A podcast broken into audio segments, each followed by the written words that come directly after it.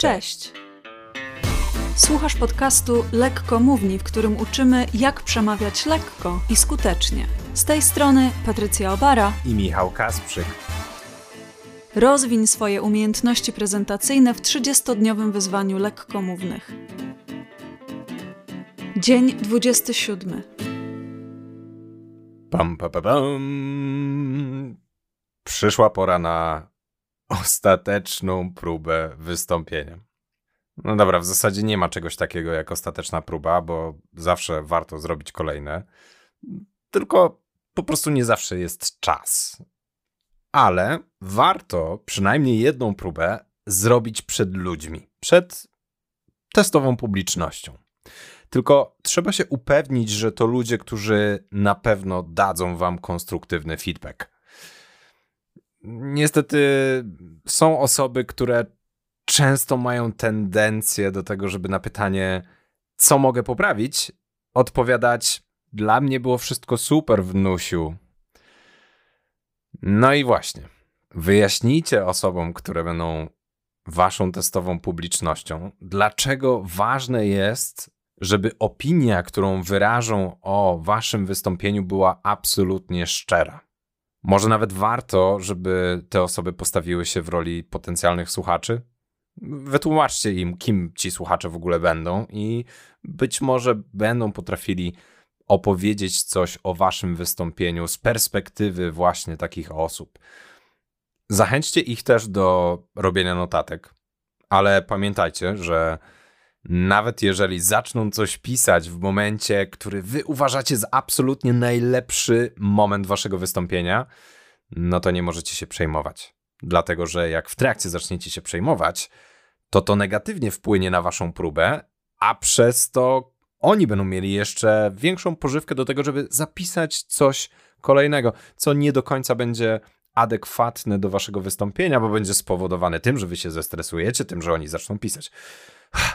Więc nie przejmujcie się, po prostu. No i teraz zróbcie przed nimi próbę. Jeśli jest taka opcja, to postarajcie się, żeby ta próba była jak najbardziej zbliżona do waszego właściwego wystąpienia. Jeżeli występujecie gdzieś w sali konferencyjnej, idealnie byłoby być w tej sali konferencyjnej, żeby zrobić taką próbę. Organizatorzy konferencji czasami dają taką możliwość faktycznie, ale nie zawsze. Natomiast jeżeli występujecie gdzieś w pracy, no to być może możecie skorzystać z tej salki konferencyjnej, w której będziecie.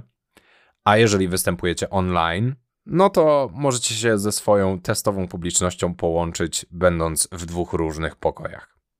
Dobrą praktyką jest też podłączenie laptopa do telewizora, żeby dodatkowo zasymulować to wystąpienie.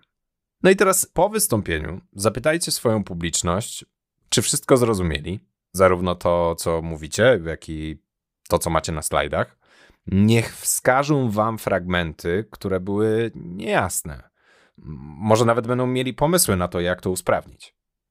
Niech powiedzą wam, co było najważniejsze w waszym przemówieniu, i potem zweryfikujcie, czy to zgadza się z tym, co założyliście. A może jeszcze coś warto poprawić? Może wskażą wam miejsca, które warto zmienić na lepsze?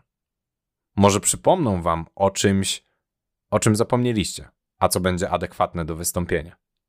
I jeżeli zdecydujecie się na to, żeby wprowadzić kolejne poprawki po tej próbie, no to dobrze potem będzie zrobić jeszcze jedną próbę z takim już ostatecznie ostatecznym materiałem.